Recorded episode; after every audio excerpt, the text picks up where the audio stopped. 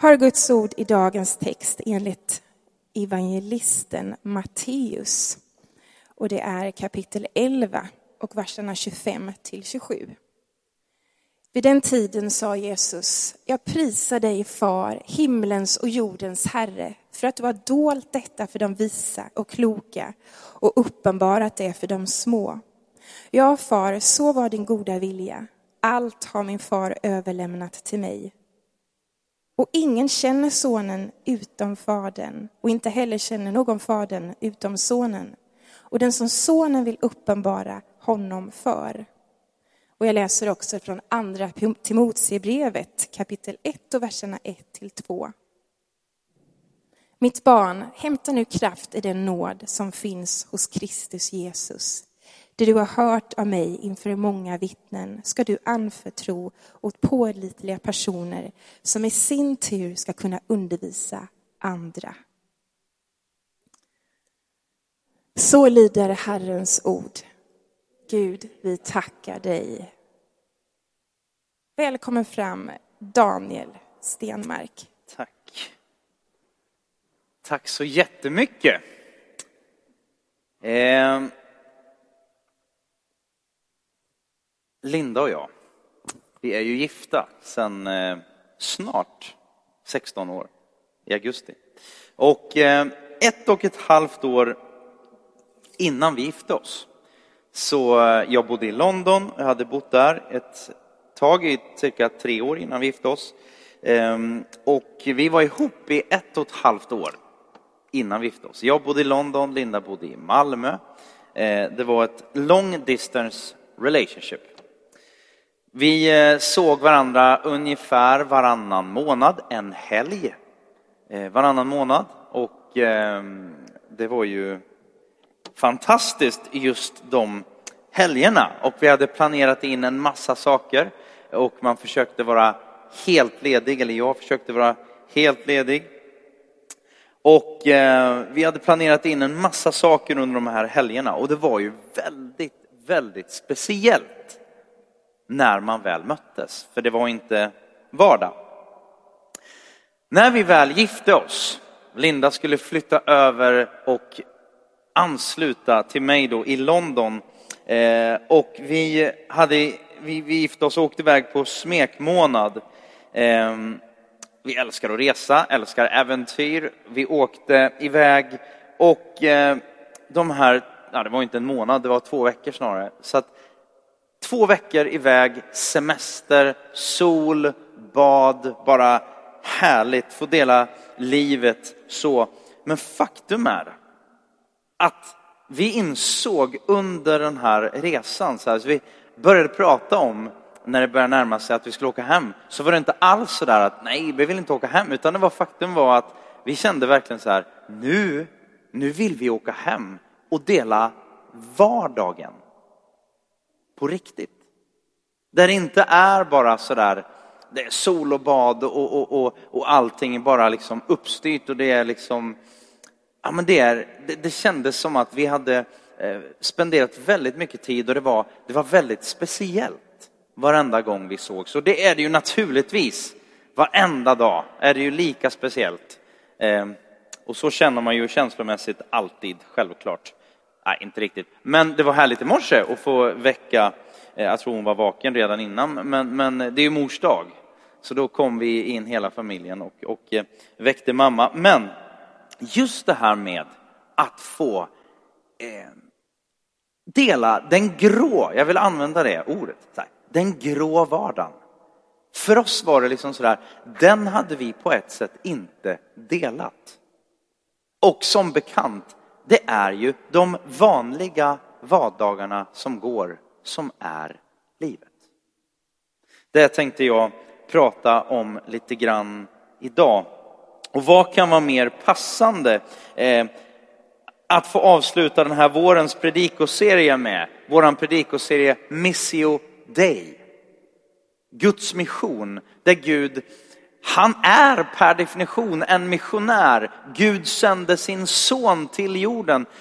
Och det står att ja, men ordet, Jesus Kristus, ordet blev kött och blod och flyttade in i kvarteret där vi bor. En av översättningarna av, av första Johannes eh, evangelium, eller första Johannes, första Johannes evangelium, första kapitlet. Eh, och tänk då att vi får tala om vardagskristendom. Vardagskristendom nu när kyrkoåret går över och, och slutar fokusera på festerna och högtiderna med allt dess budskap och firande till de vardagliga söndagarna och den vardagliga tiden, för det är ju inte bara söndagar såklart. Och eh, jag tänker att det här är också väldigt mycket Miss kyrkan både och, både fest, både högtid, men också vardag. Både fest, men också fasta. Både och. Ehm, och texten som vi läste där, jag kommer inte uppehålla mig så mycket kring den texten, men vi kan lägga upp Matteus-texten igen, Andreas. Jesus han prisar sin far. Och det är så, det är så starkt att Jesus introducerar så tydligt Gud, skaparen över himmel och jord, han introducerar honom som våran far. Det är ett, ett begrepp som inte är långt borta. Det är ett begrepp där han tar, på ett sätt tar Gud, hela hans väsen, hela, hela hans mission handlar ju om att ta Gud till dig och mig. Så i och med Jesus Kristus så kommer han nära. Hela Guds mission, sändandet av Jesus Kristus var att återetablera relationen mellan människa och Gud. Inte bara allmänt, utan faktiskt är hans, han har samma mission här idag den 27 maj 2018 i Sankta Clara kyrka. Att fortsätta att etablera relationen med dig. Inte bara de där, ja men kyrkan ni vet, utan dig. Du som sitter här och lyssnar eller lyssnar på podden efteråt.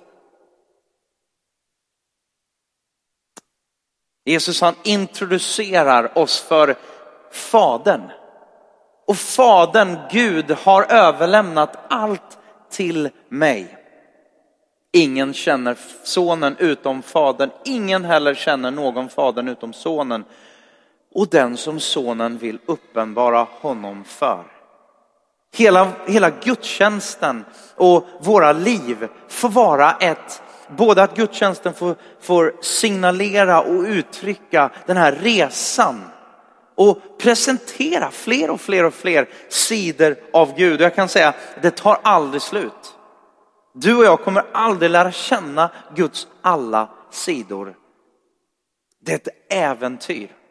När till och med mina föräldrar som har varit gifta i 56, 57 år, något sånt, när de säger, ja men vi lär känna varandra mer och mer för varje dag. Vi hittar nya sidor hos varandra och det kanske inte bara var nya sidor utan till skillnad från Gud så ändrar vi oss. Men Gud, han ändras aldrig. Han är alltid pålitlig, han är aldrig nyckfull, han är aldrig, ja, han är aldrig något annat än kärlek. Han är aldrig något annat än för för dig och för mig. Gud sände, Gud fadern sände sonen och han hade uppenbarat sig, han uppenbarade sig, Gud uppenbarade sig genom Jesus Kristus. Så man brukar säga så här, vill du veta vem Gud är, se på Jesus. Och så talas det tydligt om inte bara Gud Fadern och Gud Sonen utan Gud Fadern och Sonen sänder anden och vi pratar om den treenige guden och idag är trefaldighetssöndagen som inleder trefaldighetstiden som är den här vanliga, vardagliga tiden i kyrkåret och under kyrkåret. Ehm, och det här med vardag, vardag, där Jesus säger, jag ska sända er en annan hjälpare. För jag går till Fadern, säger han, jag ska sända er en hjälpare som ska vara med er i vardagen. Och där säger jag, min första punkt, fly inte vardagen, utan sätt guldkant på den. Jag vet inte hur många som kollade på Champions League-finalen igår. Jag gjorde det. Jag kan erkänna att jag, det kan, jag kanske har sett någon fler match under 2018, men det är inte många. Jag är en typisk, förlåt, men alltså vad gäller fotboll så är jag en typisk event-supporter. Jag är inte en riktig supporter. Jag är den som sätter mig och kollar när det är final. Då tittar jag och då bryr jag mig knappt om vilket lag det är för att jag håller inte på något särskilt. Och kanske lite eftersom jag bott i London så är det Arsenal. Men jag ska inte säga det högt nu. Ehm, så ni får inte säga det till någon. Men finalen igår, det var ju ändå väldigt spännande. Men det är den där riktiga supporten. Den riktiga supporten som är där när det är regn och rusk och det är elände och det är hemskt väder och, och det är små matcher, det är inte publikrekord. Då är den riktiga supporten är där ändå. Men eventsupporten är bara där när det är glam och glamour och det går bra. Sådana är säkert inte ni. På ett litet allvarligare plan så kanske det finns, man skulle kunna jämföra lite med, ja men säga benämna det eventföräldrar. Den här föräldern som är så upptagen jämt och för att på något sätt ja, men för upptagen för att spendera kvalitetstid med sina barn. Så när man väl har lite tid så är det så här, nu, nu ska vi gå på Gröna Lund, nu ska vi liksom åka till månen och nu ska vi liksom, nu ska det vara stora grejer och det är fest och det är buller och bång. Medan barnet kanske bara vill spendera lite tid i mammas eller pappas knä. Hoppas du som är förälder inte är bara en eventförälder. Sen är det ju roligt om man gör något event någon gång. Men jag tror att det är vardagen. Det är i vardagen som livet verkligen händer.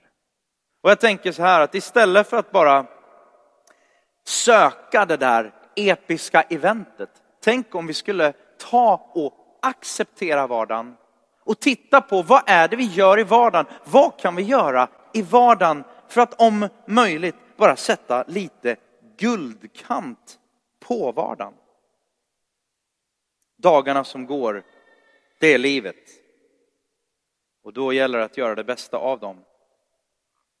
Vardag, var dag. Var dag. Den absolut vanligaste frågan vad gäller kyrka som jag får av kanske primärt då andra pastorer och så vidare, men, men i, överhuvudtaget sådär, det är i vilken lokal träffas ni? Och då är man ju såklart väldigt stolt över just nu att få säga, det är ju fantastiskt, för vi möts ju i Sankta Klaras oändligt vackra lokaler och vi är så tacksamma för att vara här. Eh, även om vi, ska säga då, från och med nästa söndag över sommaren kommer att ha ett uppehåll med ett annat upplägg eh, och vi ser fram emot att fira gudstjänster här framöver till hösten och så vidare. Eh, men tänk om, tänk om, det vore ju hemskt att den kristna kyrkan bara existerade under ett par få timmar, minuter under en söndag. Hur gärna man än vill veta vad vi gör, man, man liksom sådär, eh, hur är eran kyrka. Eh, berätta mer om Missionary-kyrkan. Jag vet inte hur det är för dig, men om någon skulle be mig berätta om min familj. Berätta, berätta om din familj, berätta om vad ni gör och eh, sådär. Eh, men berätta mer hurdana ni är. Om jag då skulle börja bara sådär, ja, på måndag morgon klockan 07.00 så går vi upp och sen så gör vi det här och så äter vi frukost. Och så, och så börjar man bara beskriva i detalj vad vi gör. Så möjligtvis skulle det berätta lite om vem jag är. Men det skulle inte berätta så mycket om vem, vilka vi är som familj. Lukas 9.23 säger Jesus då som säger, om ni, om någon vill följa mig, ska han förneka sig själv och varje dag ta sitt kors och följa mig. Alltså varje dag. Det kristna livet är för varje dag. Apostlärningarna 2.46, när det hänt massa saker i Jerusalem, 3000 personer blir frälsta och börjar följa Jesus så står det varje dag var de endräktigt tillsammans i templet, i hemmen bröt de bröd och höll måltid med varandra i jublande innerlig glädje. Så både i templet, och det kan översättas till kyrkan för oss då, så både i templet men också i hemmen. Ett bevis för att Gud fanns mitt ibland dem. Gud är med dig.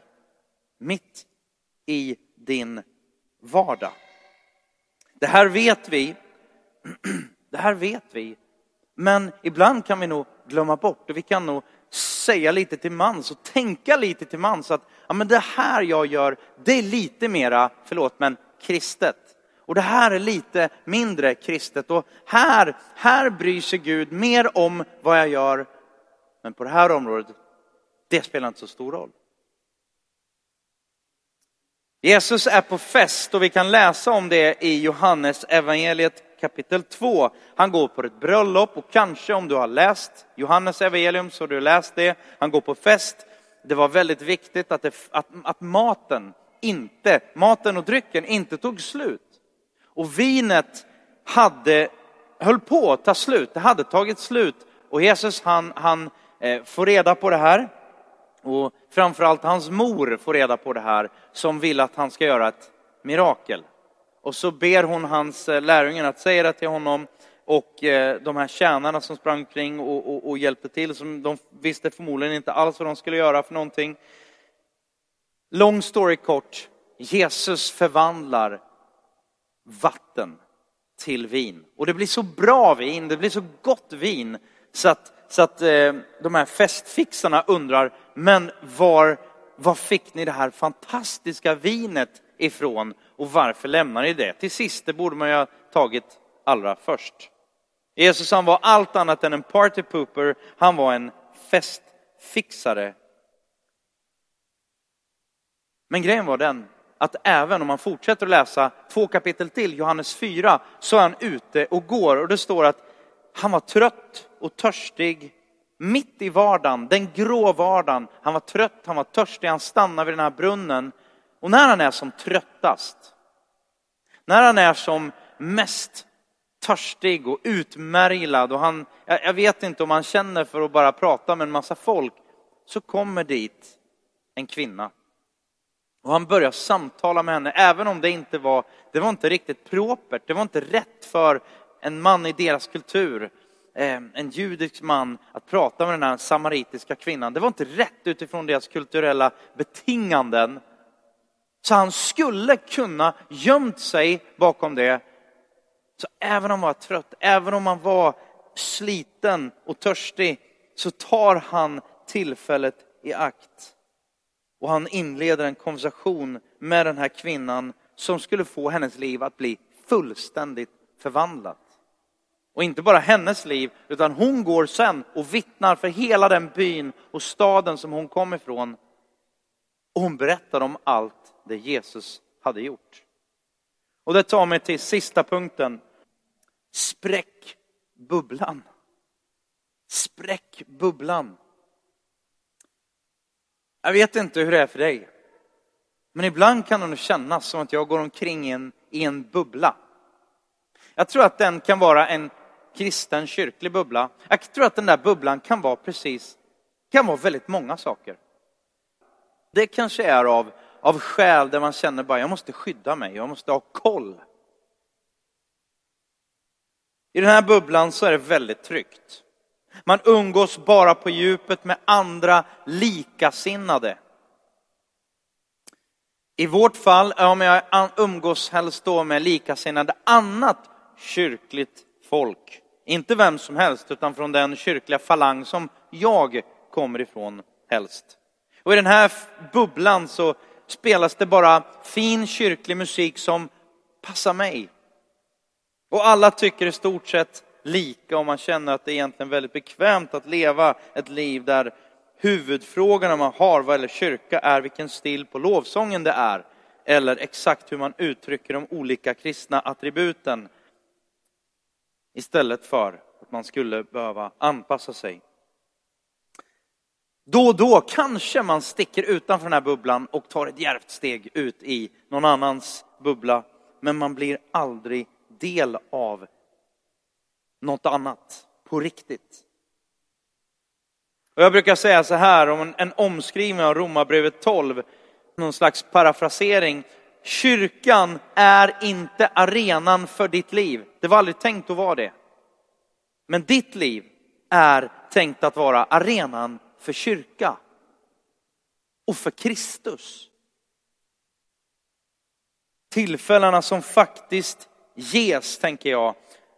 Och en, en kort anekdot, ett tillfälle som jag har berättat om vid något tidigare tillfälle, som några av er kanske har hört, men för mig var det ändå en sån här eh, ospeciell upplevelse som blev ganska speciell på ett sätt.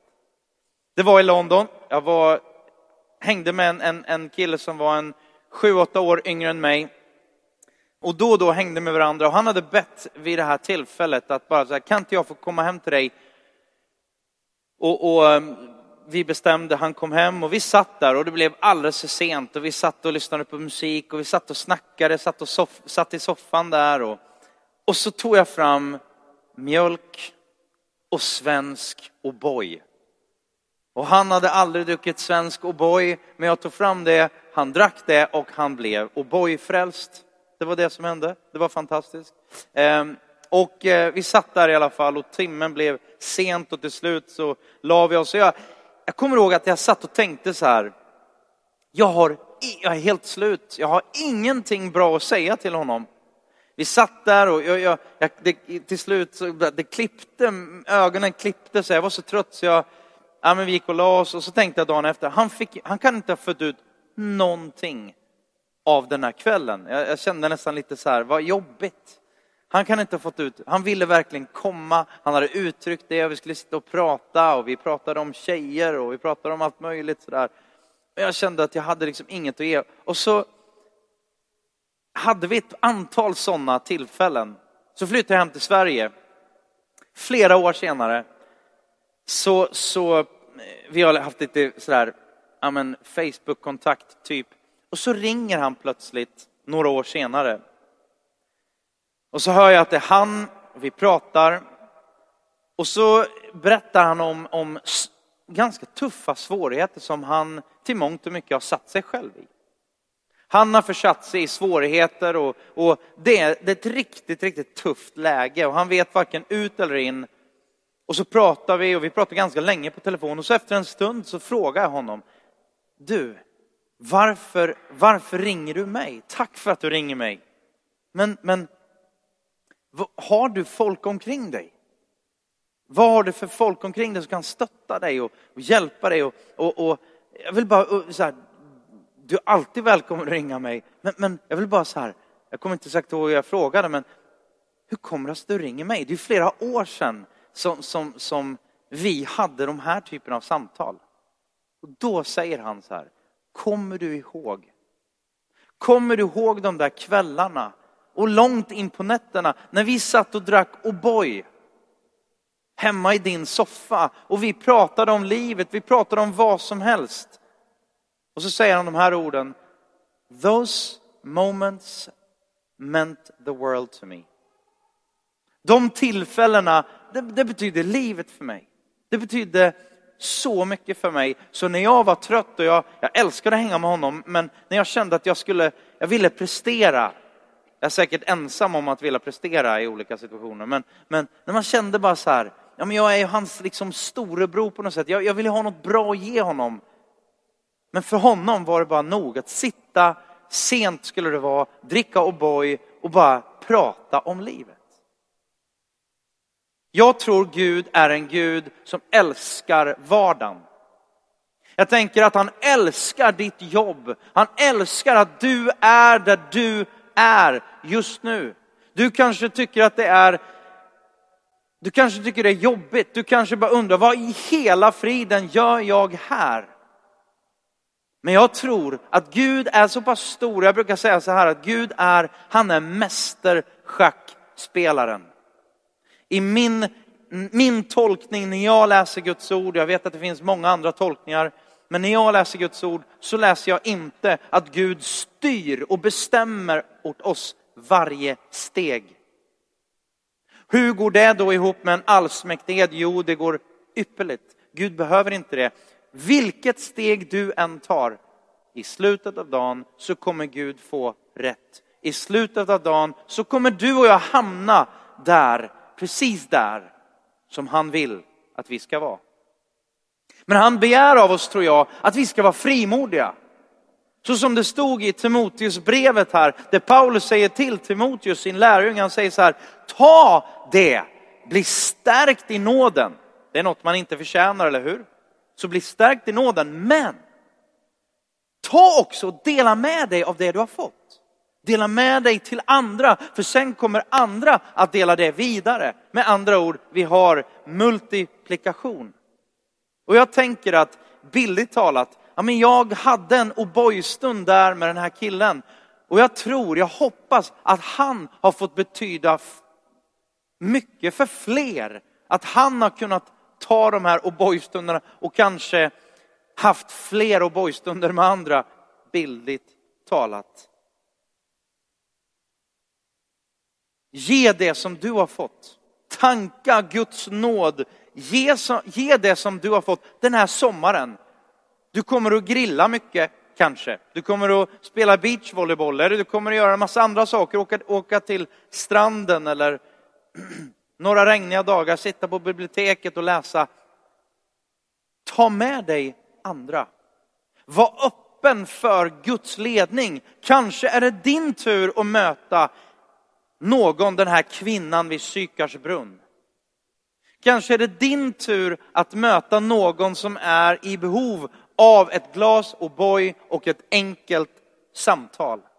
Kanske är det så att din granne är sugen på lite tårta eller sugen på, inte alls sugen på, kanske inte har tänkt tanken men du har tänkt tanken och plötsligt så uppstår en situation där du får vara till välsignelse. Den här killen som jag bjöd på Boy, hans syster Erina, hon har flyttat till USA nu, men när hon bodde i London så bara, hon älskade gult. Jag vet inte varför, hon var passionerad för färgen gul.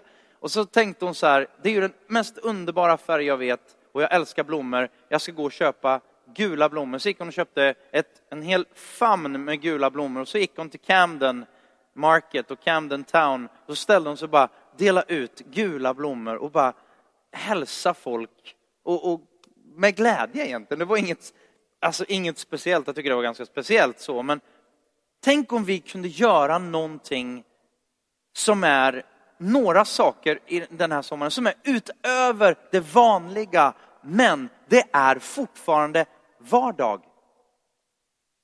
Så tror jag att vi sätter guldkant på vardagen. Jag menar mat. Mat är ju, vi ska strax äta vid Guds bord. Jesus när han firade nattvarden, han låg till bords. Det var vardag. Det var vardag men ändå inte, för det var ju den sista nattvarden, eller första nattvarden, det var den sista måltiden skulle jag säga. Den sista måltiden med sina bästa vänner.